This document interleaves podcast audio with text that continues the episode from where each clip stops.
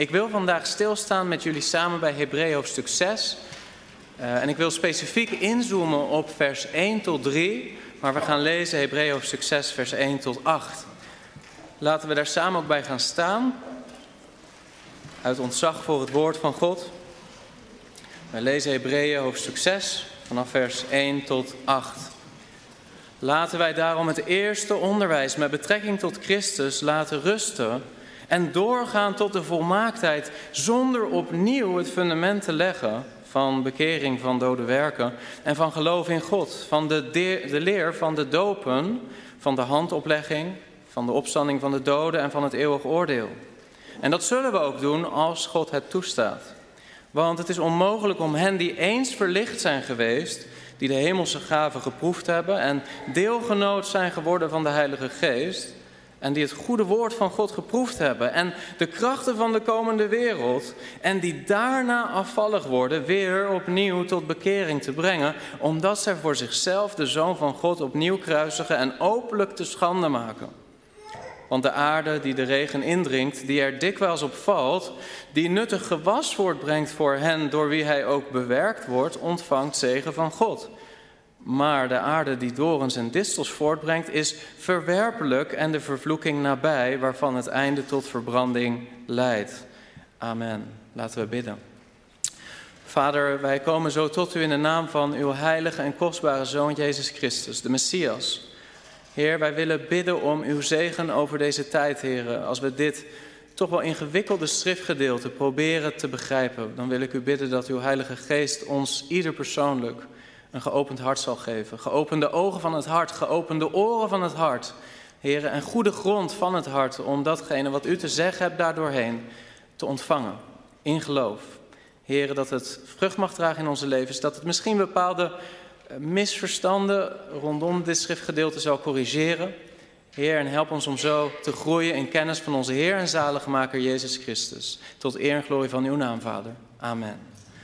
Laten we gaan zitten. Hebreeën hoofdstuk 6 en ook de laatste verse van hoofdstuk 5. Dat is een schriftgedeelte wat ingewikkeld is. Een schriftgedeelte wat denk ik ook vaak verkeerd wordt begrepen door christenen, omdat ze te weinig vastgebeten zijn in de context van de brief als geheel. Dit zijn versen die vaak ja, gelezen worden en snel toegepast worden zonder dat we ons eerst proberen goed te verplaatsen in de context, de omstandigheden van de eerste lezers, van het eerste publiek. En ik denk dat dat wel belangrijk is om te doen. En ik denk dat als we dat niet doen, dat we tot verkeerde conclusies komen over dit schriftgedeelte. En ik denk dat veel christenen ook tot verschillende verkeerde conclusies zijn gekomen met betrekking tot dit schriftgedeelte. Mijn interpretatie van deze verse, want ik ben de hele Hebreeënbrief aan doorprediken in de Romeinse kerk, is misschien niet de meest traditionele interpretatie, dat zeg ik vooraf. Maar het is niet zo dat ik de enige ben die deze verse uitlegt zoals ik ze vandaag zal uitleggen.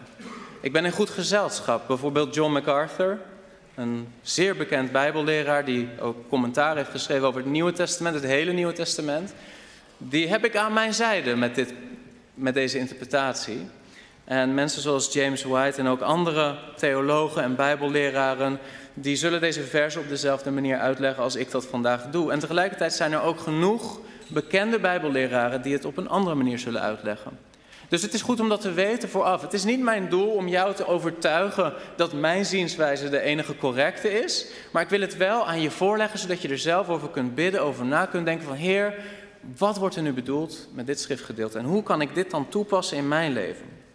Nou, ik hoop dat ik je een klein beetje wakker heb gemaakt voor uh, dit schriftgedeelte. Als je trouwens al een video van mij hebt gezien over dit gedeelte op mijn YouTube-kanaal, ik denk dat sommigen dat al hebben gedaan, ik werd er al vanochtend op bevraagd.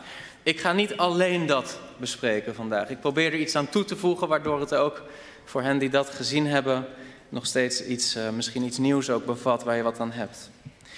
Wat contextueel voorafgaat aan Hebreeën hoofdstuk 6 is natuurlijk Hebreeën hoofdstuk 1 tot 5. En wij weten dat de Hebreeënbrief, want ik heb daar vorige keer ook over gesproken bij jullie, het is een brief van vermaning.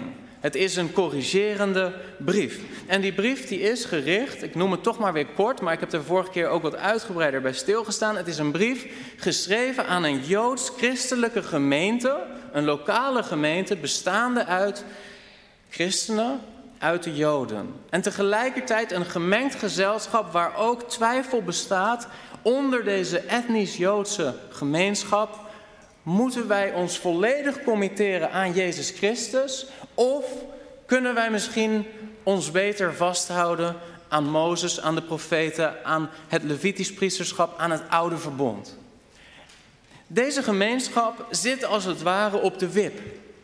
Sommigen zijn binnengegaan in het evangelie, in het nieuwe verbond, hebben zich gecommitteerd aan Jezus Christus als hun redder, zien in Hem de volledige vervulling van alle oud-testamentische schaduwen en zijn als zodanig opnieuw geboren, hebben zich volledig gecommitteerd aan Jezus. En tegelijkertijd zijn er ook, en dat zien we door de hele brief heen, mensen die twijfelen. Mensen die weliswaar het evangelie gepredikt horen worden, week in, week uit, in deze christelijke gemeenschap, en tegelijkertijd nog steeds twijfelen. Oude Testament of Nieuw Testament, Oude Verbond, Nieuwe Verbond, Mozes of Jezus. En op die manier eigenlijk aan de rand staan, van binnen gaan in een reddende relatie met Jezus Christus, maar nog niet zijn binnengegaan. Dat zien we ook omdat in de vijf verschillende waarschuwingspassages in deze brief dat steeds het probleem lijkt te zijn. Kijk met mij naar Hebreeën 2, waar we vorige keer naar hebben gekeken. Hebreeën 2, versen 3 en 4, een korte nou ja, reminder. Daar zien we het eerste waarschuwingsgedeelte uit de Hebreeënbrief. Hebreeën 2, vers 3 tot 4. Hoe zullen wij dan ontvluchten als wij zo'n grote zaligheid veronachtzamen? Zo'n grote zaligheid spreekt dan over het evangelie van Jezus Christus.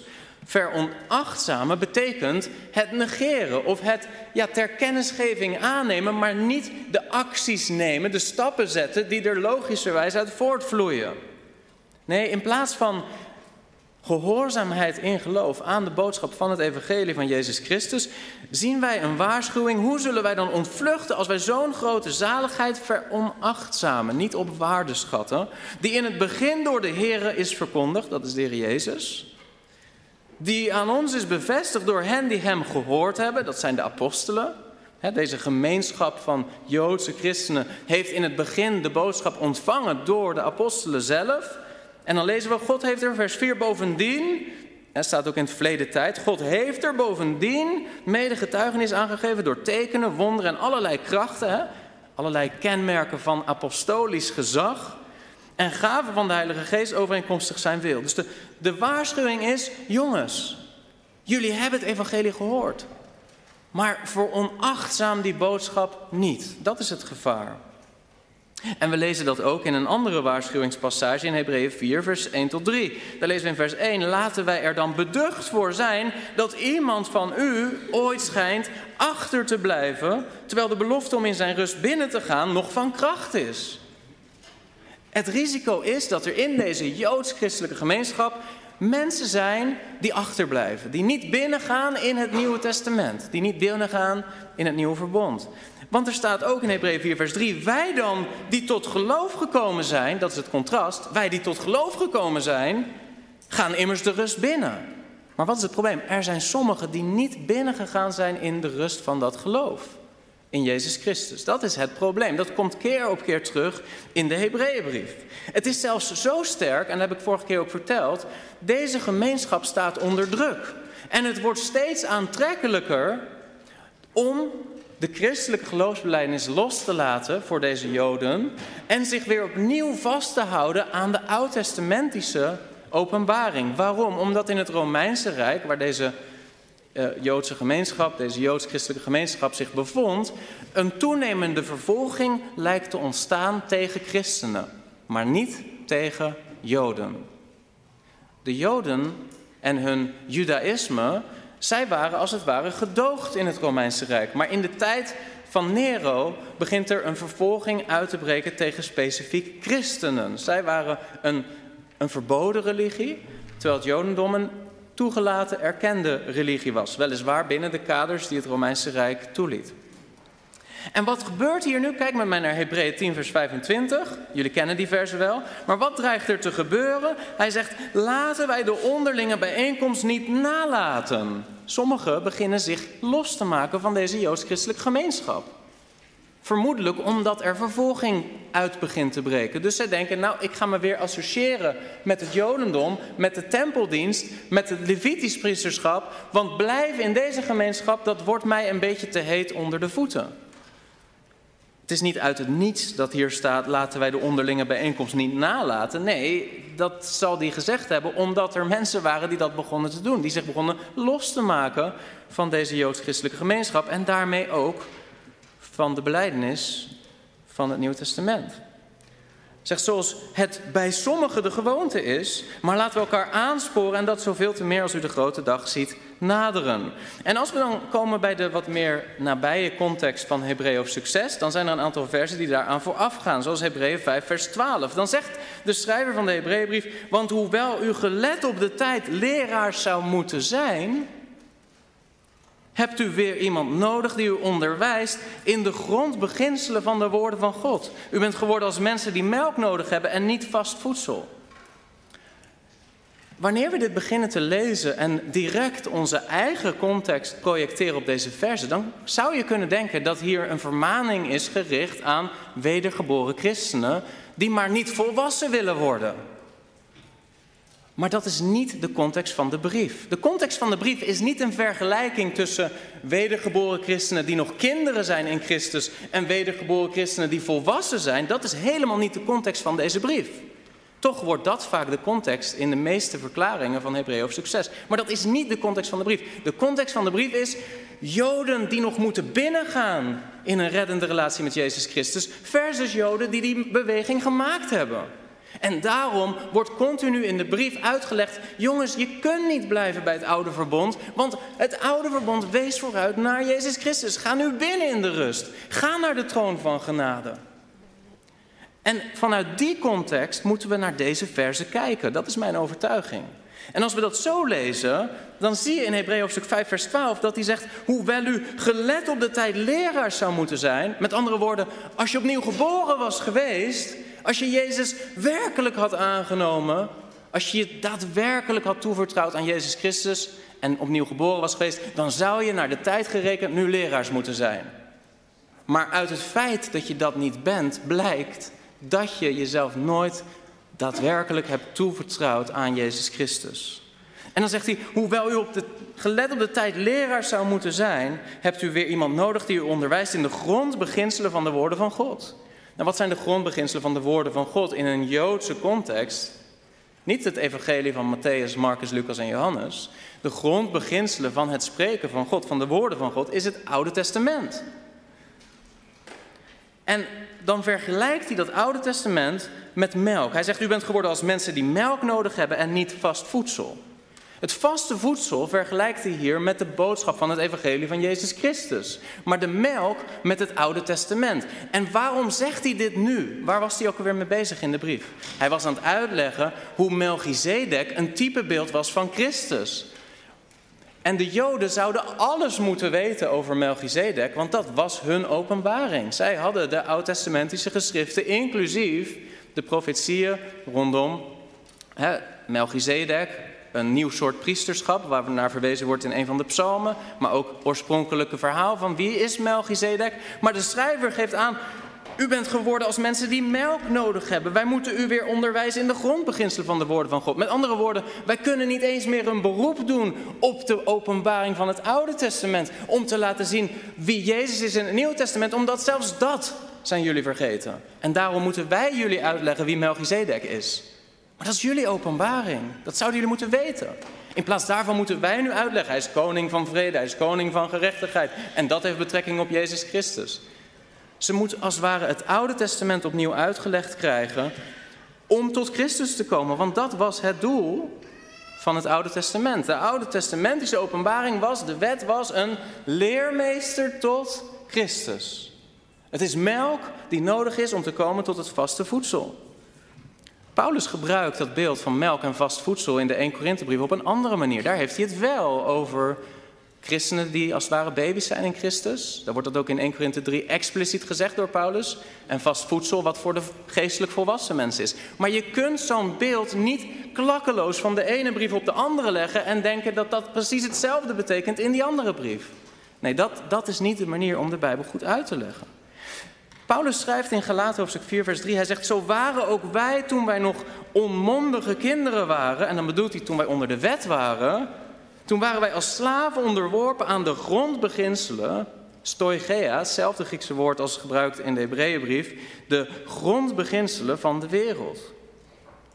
Dit schriftgedeelte gaat helemaal niet zozeer over Calvinisme of Arminianisme. Het wordt vaak gebruikt om een Arminiaans argument op te zetten. Maar ik denk dat het ongezond is om naar de schrift te gaan en als het ware onze vragen daar naartoe te brengen en te zeggen: wat leert dit schriftgedeelte over dat onderwerp? Dat, er zijn soms gepaste manieren om dat te doen. Maar wij zullen in eerste instantie simpelweg zonder dat soort vragen naar dit gedeelte moeten gaan en zeggen: wat zegt de Heer nou eigenlijk tot ons hiermee? Je zegt misschien, ik wil er toch wel bij stilstaan. Ja, maar broeder Christ, de brief is toch een brief gericht op een aansporing om te volharden. Dit zijn toch mensen die Christus hebben aangenomen, maar die, die moeten volhouden, die hem niet moeten loslaten. Het gaat toch helemaal niet over christenen die daadwerkelijk opnieuw geboren zijn versus Joden die daar nog niet zijn. Nou, maar dat kan allebei waar zijn in zekere zin. Waarom? Omdat de schrijver ervan uitgaat dat mensen die daadwerkelijk Jezus hebben aangenomen als hun redder, zullen volharden. Terwijl de mensen die niet zullen volharden, zijn de mensen die zich nooit hebben gecommitteerd aan Jezus Christus op een manier die daadwerkelijk reddend is. Zeg je broeder Chris, hoe kom je daarbij? Nou, kijk met mij naar Hebreeën hoofdstuk 3 vers 14.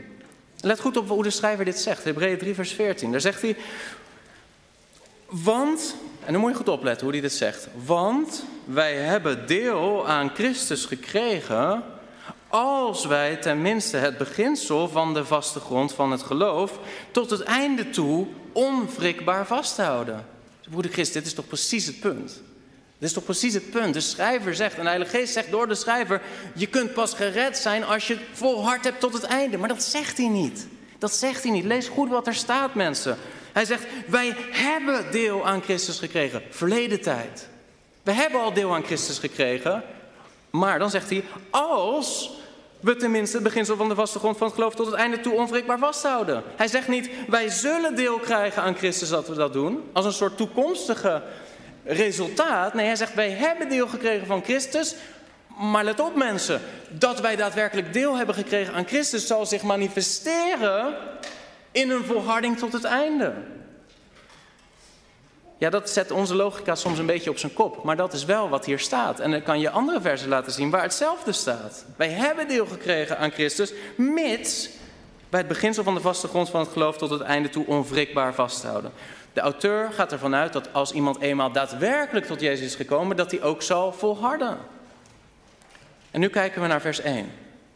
Met die context, mijn broeder Chris, die verse in Hebreeën hoofdstuk 60 gaat toch duidelijk over wedergeboren christenen? Niet zo duidelijk. Kijk met mij. Vers 1. Laten wij daarom het eerste onderwijs met betrekking tot Christus laten rusten en doorgaan tot de volmaaktheid. Zeg, broeder het eerste onderwijs met betrekking tot Christus, dat is toch als het ware de alfa-cursus van het christelijk geloof. Dit, gaat gewoon over als het ware wat je iemand uitlegt wanneer iemand christen wil worden. Hè? Van, dit zijn de grondbeginselen. Uh, Jezus is voor ons aan het kruis gestorven, hij is de zoon van God. Maar dat is in jouw context hoe je dat zou lezen. Maar voor de Joodse context, wanneer het gaat over het eerste onderwijs met betrekking tot de Messias, waar gaat het dan over? Het Oude Testament. Het Oude Testament is de leermeester tot Christus. Wat staat er in Romeinen 10, vers 4? Het einddoel van de wet is Christus, let op, tot gerechtigheid voor ieder die gelooft. Dus het einddoel van de wet is dat jij komt tot het woord der gerechtigheid, tot rechtvaardiging door geloof. En zo staat dat er ook in Hebreeën hoofdstuk 5, vers 10 tot 14. Als het ware, de melk is voor nou ja, de baby's, hen die onder de wet zijn. Maar vervolgens word je door oefening bekwaam gemaakt door de wet om te onderscheiden tussen goed en kwaad. En op een gegeven moment kom je zelfs op een punt, wanneer je de wet goed bestudeert, dat je niet anders kunt dan concluderen, maar ik val dan zelf in de categorie kwaad. Begrijp je dat? Dat is het doel van de wet. En vervolgens is dat als het ware het bord aan de weg dat wijst, je kunt hier niet blijven, je moet naar Jezus. Hij is je redder, hij kan je redden van je zonde. En dan kom je bij het woord van gerechtigheid, rechtvaardiging door geloof. Galaten 3 vers 24, ik lees het nog een keer. Zo dan is de wet onze leermeester geweest tot Christus opdat wij uit het geloof rechtvaardig zouden worden. Maar nu het geloof gekomen is, let goed op, nu het geloof gekomen is, zijn we niet meer onder een leermeester. Dus wat is de boodschap? Als je eenmaal komt tot Christus, heb je de wet niet meer nodig voor die functie. Want het doel was om tot Christus te gaan. Dan heb je, als je er eenmaal toe bent aan het vaste voedsel, heb je de melk niet meer nodig. Twijfel je daarover of dat dat de goede interpretatie is? Hè? Laten we daarom het eerste onderwijs met betrekking tot de Messias laten rusten. Jezus veronderstelde dat bijvoorbeeld de Emmausgangers in het Oude Testament konden zien over de Messias, over zijn dood, over zijn opstanding. En hij opent hun, hun harten zodat ze het zien. Het Oude Testament is het eerste onderwijs met betrekking tot de Messias. Maar de veronderstelling is dat je daar niet blijft. De veronderstelling is dat je doorgaat tot Jezus Christus en tot rechtvaardiging door geloof. En het probleem namelijk, als je dit leest als het eerste onderwijs met betrekking tot Christus, als in de alfa-cursus van het christelijk geloof, dan zou de auteur niet zo sterk kunnen zeggen: we moeten het laten rusten. Nee, dan zou hij zeggen: we moeten erop bouwen. We moeten daarmee verder gaan. We moeten blijven bij dat eerste onderwijs, maar we moeten daarop als het ware groeien. Maar dat zegt hij niet hier. Het werkwoord is heel sterk. Er staat een woord in het Grieks afiemi. En dat betekent ophouden ermee, stoppen, weggaan daar.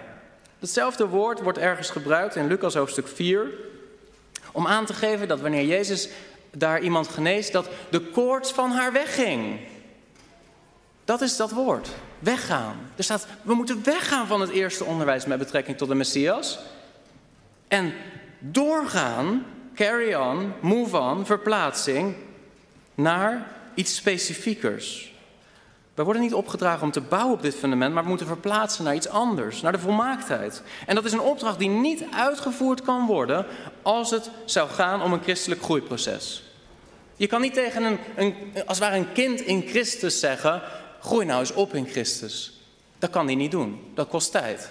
Daar is, daar is een werk van heiliging van de Heilige Geest voor nodig. Als iemand net opnieuw geboren is en hij is in Christus om geestelijk volwassen te worden, dan kan je niet simpelweg zeggen: doe dat eventjes. Dat kan niet. Dat is een werk wat God moet doen in onze levens. Maar dat is wat hier wel wordt gezegd. Hier wordt gezegd: laat het eerste onderwijs rusten en ga door naar de volmaaktheid. Als volmaaktheid hier zou staan voor geestelijk volwassenheid in Christus, zou je het in feite niet kunnen uitvoeren. Maar dat is denk ik niet wat daarmee wordt bedoeld. Wat bedoelt hij met de volmaaktheid?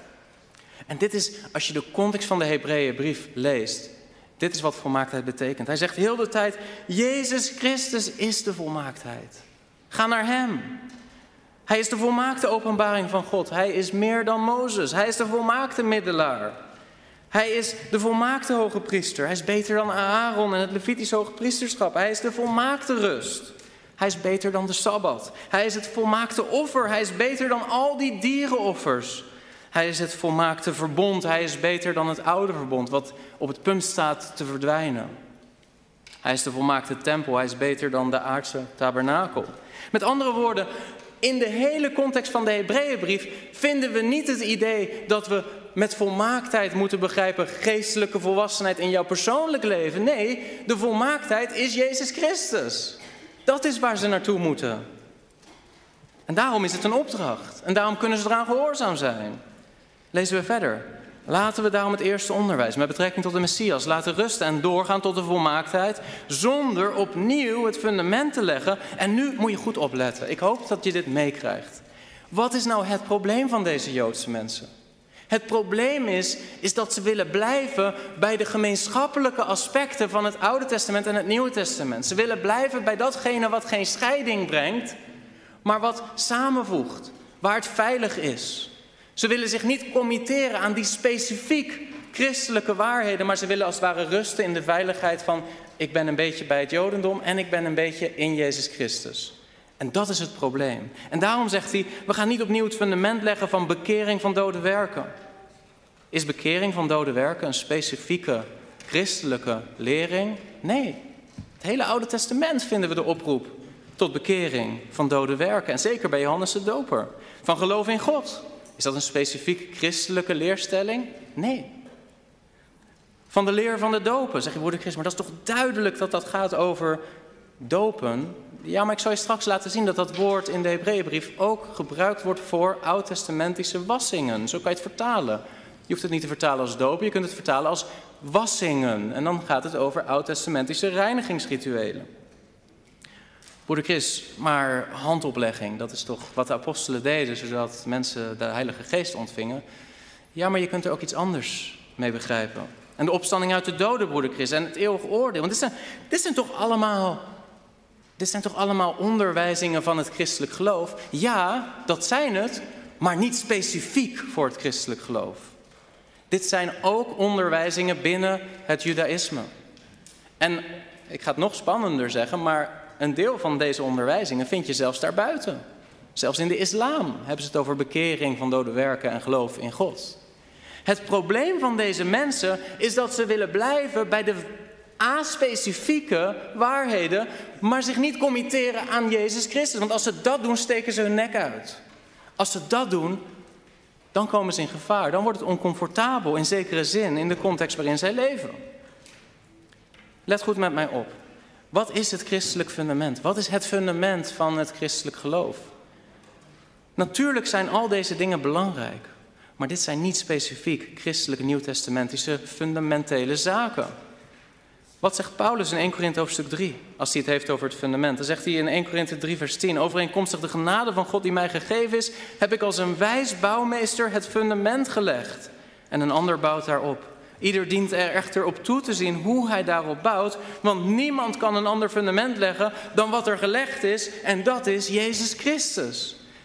In de prediking van Paulus is het fundament van het christelijk geloof is Jezus Christus en dien gekruisigd. Dat is het fundament. En toch beschrijft de Hebreeënbrief-auteur een ander soort fundament. Want Jezus wordt niet genoemd in dit fundament. Nog zijn dood aan het kruis wordt genoemd in dit fundament.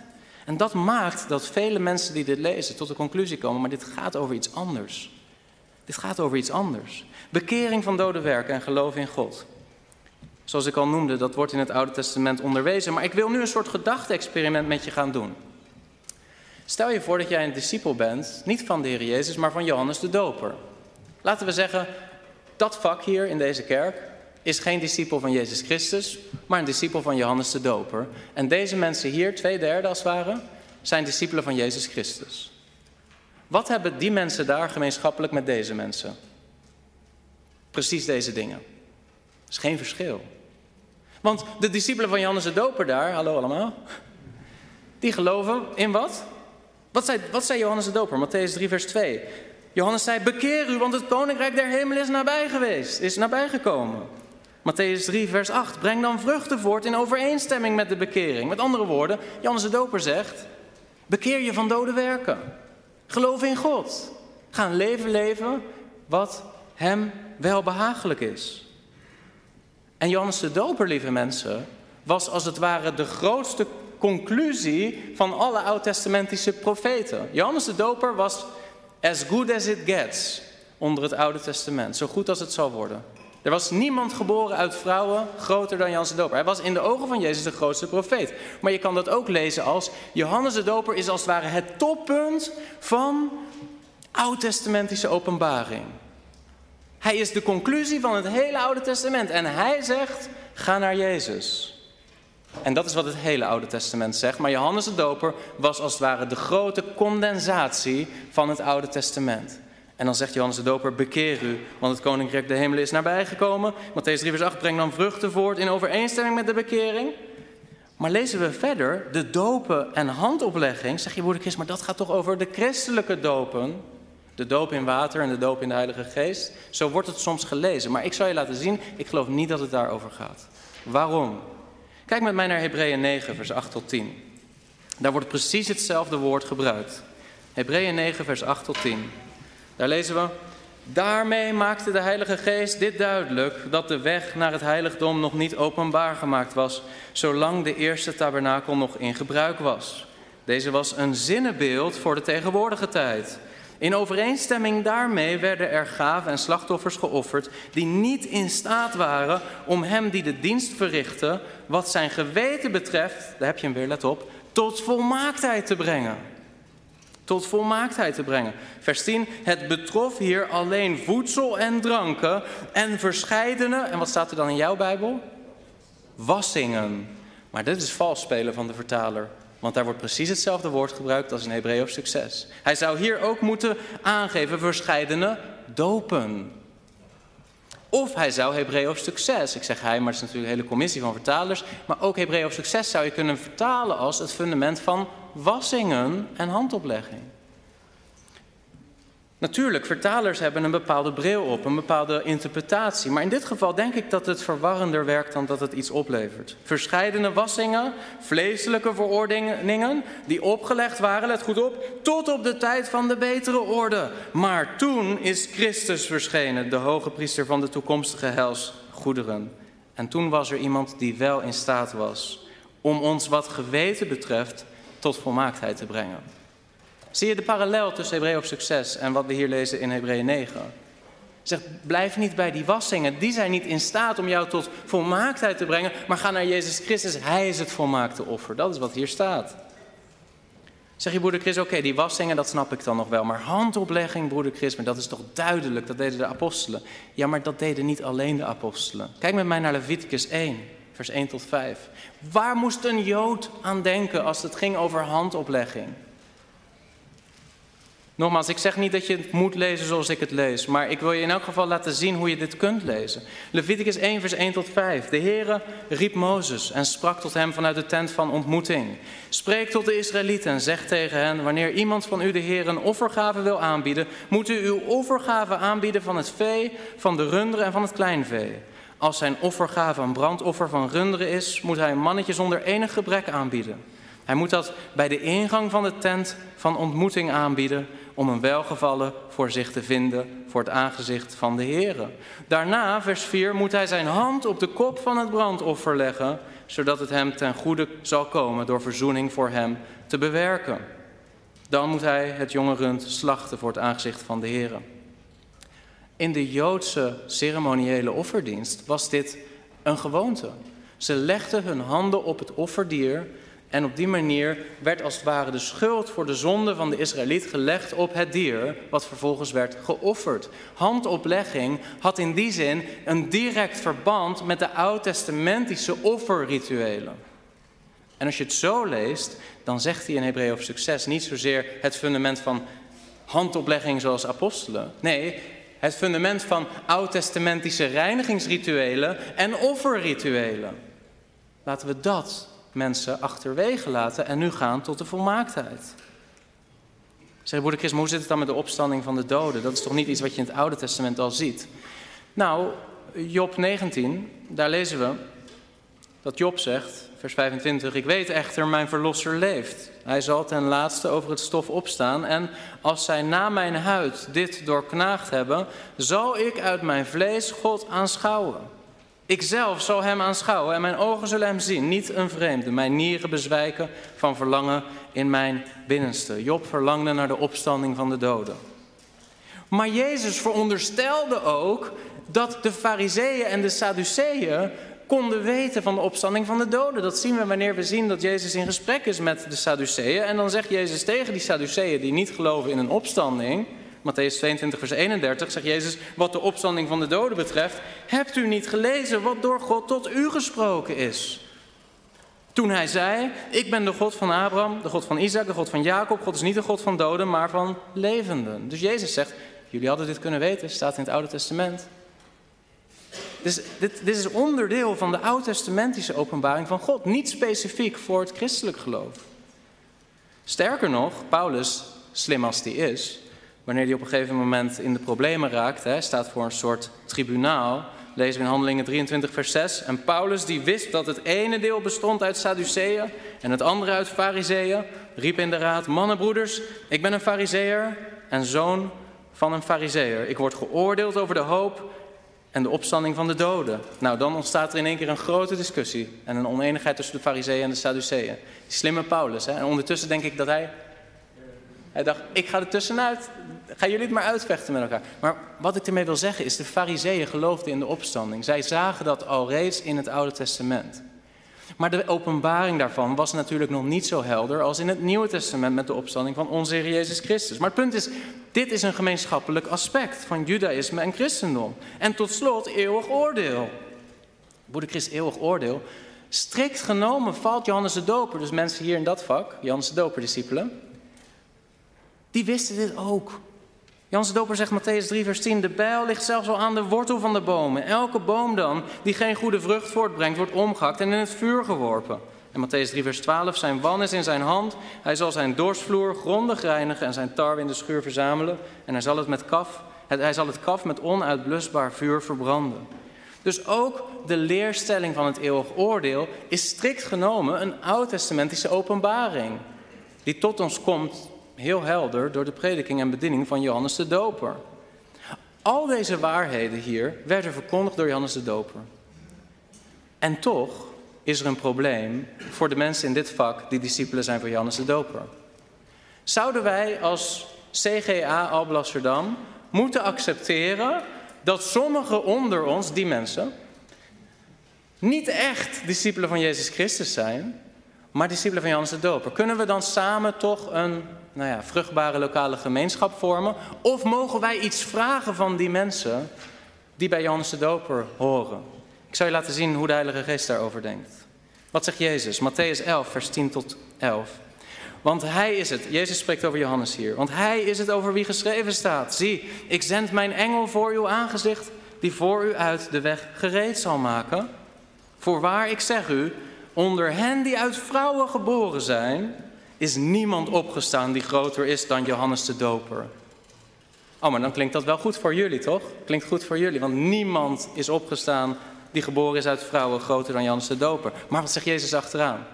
Maar wie de minste is in het koninkrijk der hemelen, is groter dan hij. Want die zijn niet uit vrouwen geboren, maar die zijn geboren uit de Heilige Geest.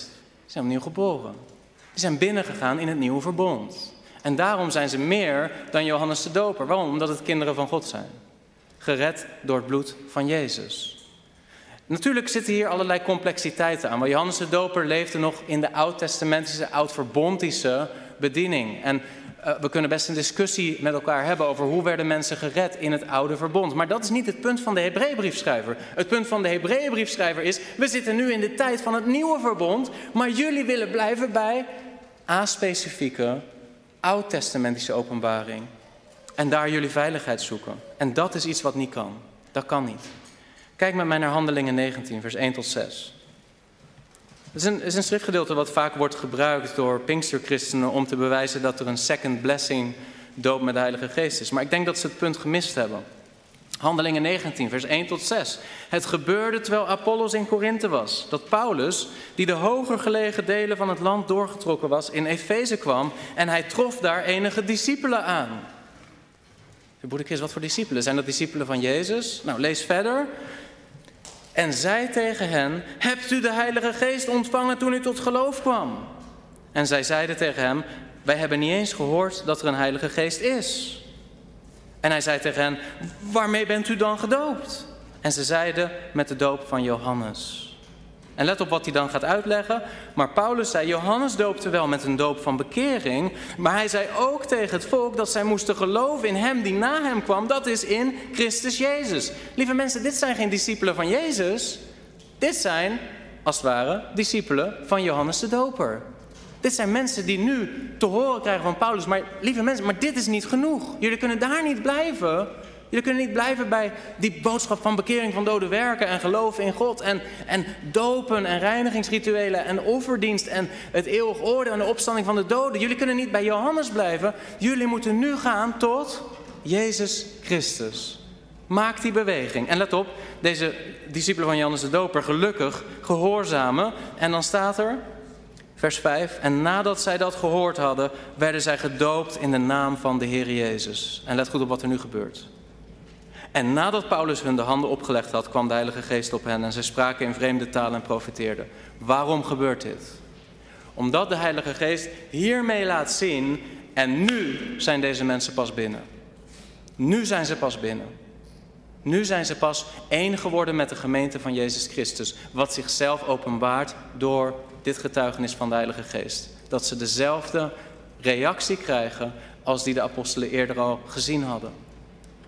Wat is de boodschap van de Heilige Geest met dit schriftgedeelte? Niet dat de doop met de Heilige Geest een second blessing is voor christenen. Nee, dat het niet genoeg is om bij Johannes de Doper te blijven. Je moet gaan naar Jezus. Is dat trouwens niet wat Johannes zelf ook zei? Toen zijn discipel, of een van zijn discipelen, of een aantal naar hem toe kwamen, dan lezen we Johannes 3, vers 26. Zij gingen naar Johannes en ze zeiden tegen hem: Rabbi, let op hè, discipelen van Johannes de Doper, die komen nu naar Johannes met een probleem. Dat is een probleem. Is hier een probleem. Hij zei: Rabbi, hij die bij u was aan de overkant van de Jordaan, van wie u getuigenis gaf, zie, hij doopt en alle komen bij hem. Eigenlijk zegt, ik parafraseer, hij zegt dan, we hebben concurrentie, Johannes. Daar is iemand anders, Jezus. U, had het over hem hoor, daar niet van. Maar er is daar iemand, Jezus, en die is ook aan het dopen. En alle mensen gaan naar hem toe. Eerst kwamen ze naar ons. Nu gaan ze allemaal naar hem. Het is een probleem, Johannes. Wat gaan we hier aan doen? En let goed op hoe Johannes hierop reageert. Johannes antwoordde en zei: Een mens kan niets aannemen als het hem niet uit de hemel gegeven is. Waarom zegt hij dat? Dit is een heel lieve manier van Johannes om te zeggen: Maar ik heb toch gezegd, ga naar hem. Ik heb dat gezegd. waarom ben je überhaupt nog hier? Wat doe je bij mij? Je moet naar hem toe. En in plaats daarvan kom je naar mij toe en ga je doen alsof dit een probleem is dat hij er is. Ik zeg niks anders dan zie het lam Gods, ga naar hem toe. En jij blijft bij mij. Waarom? Blijf je bij mij. Johannes zegt, vers 28, u bent zelf mijn getuige dat ik gezegd heb, ik ben de Christus niet. Ik ben voor hem uitgezonden. Wie de bruid heeft is de bruidegom, maar de vriend van de bruidegom, hè, ik ben maar de vriend, ik ben niet de bruidegom. Die erbij staat en hem hoort, die verblijdt zich zeer over de stem van de bruidegom. Deze blijdschap van mij nu is volkomen geworden. En let goed op, hij moet meer worden en ik moet minder worden. Maar die discipelen bleven bij hem. Er gaat iets mis met die discipelen van Johannes. En ik denk dat dat precies het probleem is van Hebreeën 6, vers 1 tot 3. Hetzelfde probleem. Lees met mij. Hij zegt, laten we dan het eerste onderwijs met betrekking tot de Messias laten rusten en doorgaan tot de volmaaktheid. Zonder opnieuw, nou dat fundament, wat eigenlijk allemaal leringen zijn die Johannes de Doper ook onderwees. En dan staat er vers 3, en dat zullen wij ook doen als God het toestaat. En dat is een ingewikkelde. Nu wordt de waarschuwing zeer ernstig. Hij zegt, als God het toestaat, waarom zou God het niet toestaan? Het gevaar van deze mensen is niet dat ze opnieuw geboren zijn en op het punt staan om alsnog hun verlossing te verliezen. Nee, het gevaar van deze mensen, lees met mij verder in vers 4, er staat, het is onmogelijk om hen die eens verlicht zijn geweest. Wat betekent dat, verlicht zijn geweest? Betekent, zij zijn verlicht met de prediking van het evangelie. Zij hebben kennis van wie Jezus is. Net als die discipelen van Johannes de Doper. Johannes zei, ga naar hem toe, je moet naar hem toe. Hij is het lam van God. Toch blijven ze bij Johannes. Die mensen waren in zekere zin ook verlicht. Maar desondanks gehoorzamen ze niet aan de oproep om te gaan tot Jezus. Deze Hebreeën gemeenschap, deze Joden, ze horen week in, week uit de prediking van het evangelie van Jezus Christus. Maar toch blijven ze bij het veilige gemeenschappelijke fundament tussen Judaïsme en nieuwtestamentische openbaring. Het is onmogelijk om hen die eens verlicht zijn geweest, die de hemelse gaven geproefd hebben. Broeder Christus, ze hebben, ze hebben de hemelse gaven, ze hebben Jezus Christus. Ja, geproefd. Geproefd. Ze hebben hem niet opgegeten. Jezus zei, mijn vlees is ware spijs, mijn bloed is ware drank. Deze mensen hebben geproefd aan Jezus, maar ze hebben het niet ingeslikt. Ze zitten op de wip. Zal ik gaan, zal ik niet gaan? Zal ik eten, zal ik niet eten? Ik proef wel eventjes.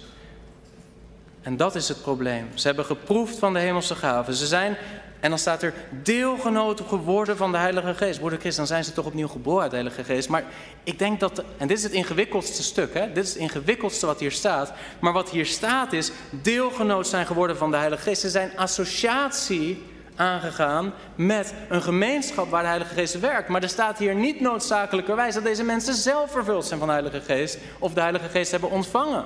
Nee, ze participeren in een groep waar de Heilige Geest werkt. Dit is een woord van associatie, deelgenoot zijn.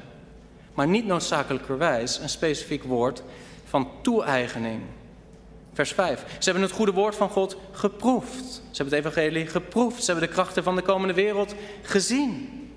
Net als dat we zien in Hebreeën hoofdstuk 2, vers 3 tot 4. Ze hebben wonderen en tekenen gezien, krachten verricht door de apostelen. Dat alles om hen te laten zien dat Jezus de Messias is en hun redder. En nu is het grote gevaar, en dat gevaar is er ook voor ons.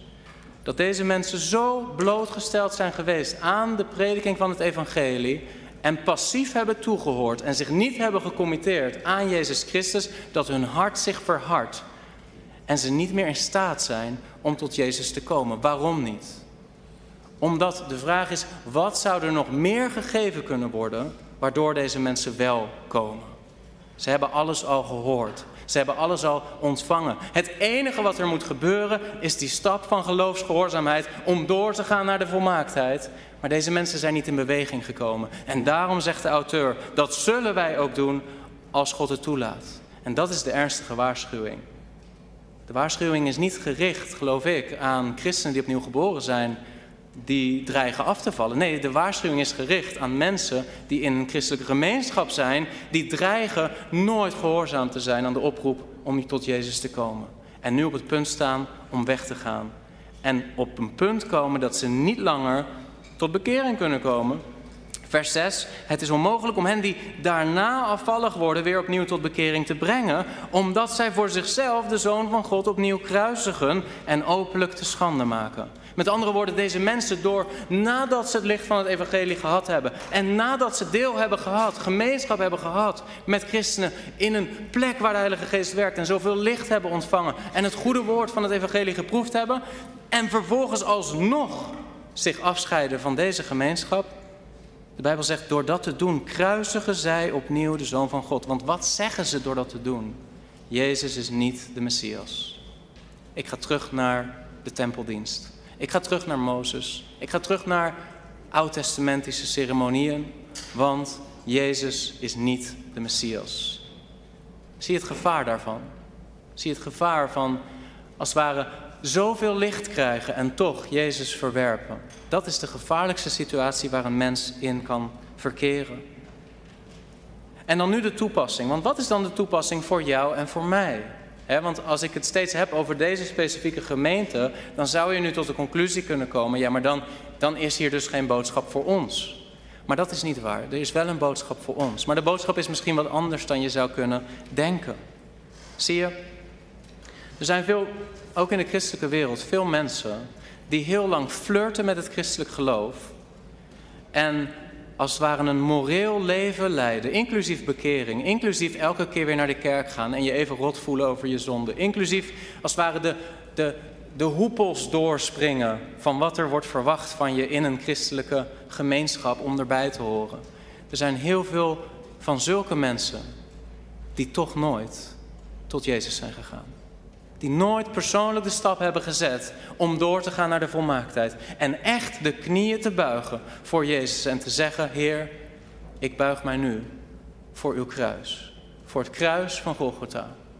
En ik stel mijn vertrouwen niet langer op mijn eigen werken, op mijn eigen bekering, op mijn eigen geloof in God, op mijn eigen sacramonieën, sacramenten, op mijn eigen rituelen om als het ware een rein geweten te houden met u. Zie, er zijn heel veel christenen die in een soort christelijk religieus systeem zitten. En daarvoor hoef je niet rooms-katholiek te zijn. Daarvoor hoef je niet een Jovens getuige te zijn. Je kunt in een christelijke gemeenschap zitten. En gewoon meegaan met het hele ritueel. Zonder ooit persoonlijk te komen tot Jezus. En als dat zo is, is deze boodschap voor jou. Want dan zegt de auteur van de brief: neem geen genoegen met al die algemene religieuze, fundamentele zaken. Nee, ga nu tot de volmaaktheid. Ga tot Jezus. En buig je knieën, misschien voor het eerst, voor de troon van genade. Voor de troon van genade. Wanneer de Hebreeënbriefschrijver het heeft over laten we met vrijmoedigheid naderen tot de troon van genade, dan bedoelt hij dat niet als een soort algemene troostende waarheid voor christenen, zoals wij dat toepassen. Nee, hij zegt als het ware tot mensen die überhaupt daar nog niet zijn geweest, zegt hij, ga nou naar die troon van genade. Buig de knieën. Neem hem aan. Committeer je volkomen. Ga niet langer op de wip zitten. Twijfel niet langer. Maar ga, zoals ze zeggen in de casino's, ga al in. Ga al in. Zeggen, Heer, ik hou niks meer achter. Ik stel nu mijn vertrouwen alleen nog maar op het feit dat daar een hoge priester is in de hemel die voor mij pleit. De schrijver van een zeer bekend Engelse hymne, Rock of Ages, Cleft for Me, kennen jullie misschien wel. Die zei, Nothing in my hands I bring, simply to thy cross I cling. En ik denk dat dat de boodschap is. Zeggen, Heer, ik wil niet slechts blijven bij bekering van dode werken, van geloof in God, van de rituelen, van week in, week uit naar de kerk gaan. Heer, maar ik wil komen tot u. Voor het eerst misschien komen tot u. En voor het eerst, als het ware, het kruis vastklampen. Zeggen, Heer, dit is mijn enige hoop. Dit is mijn enige hoop. Ik geloof dat dat ten diepste de boodschap is hier. En als je ten diepste weet van ik ben die persoon. Ik ben die persoon die te lang bij Johannes de Doper is gebleven. Ik ben te lang bezig met een soort moralistisch christelijke geloofsbeleving, maar ik moet gaan tot Jezus. Dan is mijn oproep vanochtend. Ga naar Hem, wacht niet langer, blijf niet passief. Hij roept je. Laten we bidden. Vader, dank u wel dat Paulus toen hij sprak in de Korinthe gemeente zei: Ik had mij voorgenomen om niets te weten dan Jezus Christus en die gekruisigd, Heer. En daar is de volmaaktheid. Heer, ik wil u bidden, wilt u ons helpen? Als er misschien onder ons zijn die ja, een religieuze achtergrond hebben, opgegroeid zijn in een kerkelijke omgeving, maar die ten diepste nooit die stap hebben gezet om het helemaal over te geven aan u, Heer Jezus. Om te zeggen, ik houd niets meer achter. Maar mijn hoop is nu alleen nog maar op wat u heeft gedaan aan het kruis. Heer, help die mensen om die stap te zetten. Om niet passief te blijven. Heer, maar om binnen te gaan. Om niet te blijven bij het fundament. Heer, van oud-testamentische openbaring. Maar te komen tot Jezus. En verlossing te ontvangen. We bidden dit in Jezus' naam. Amen.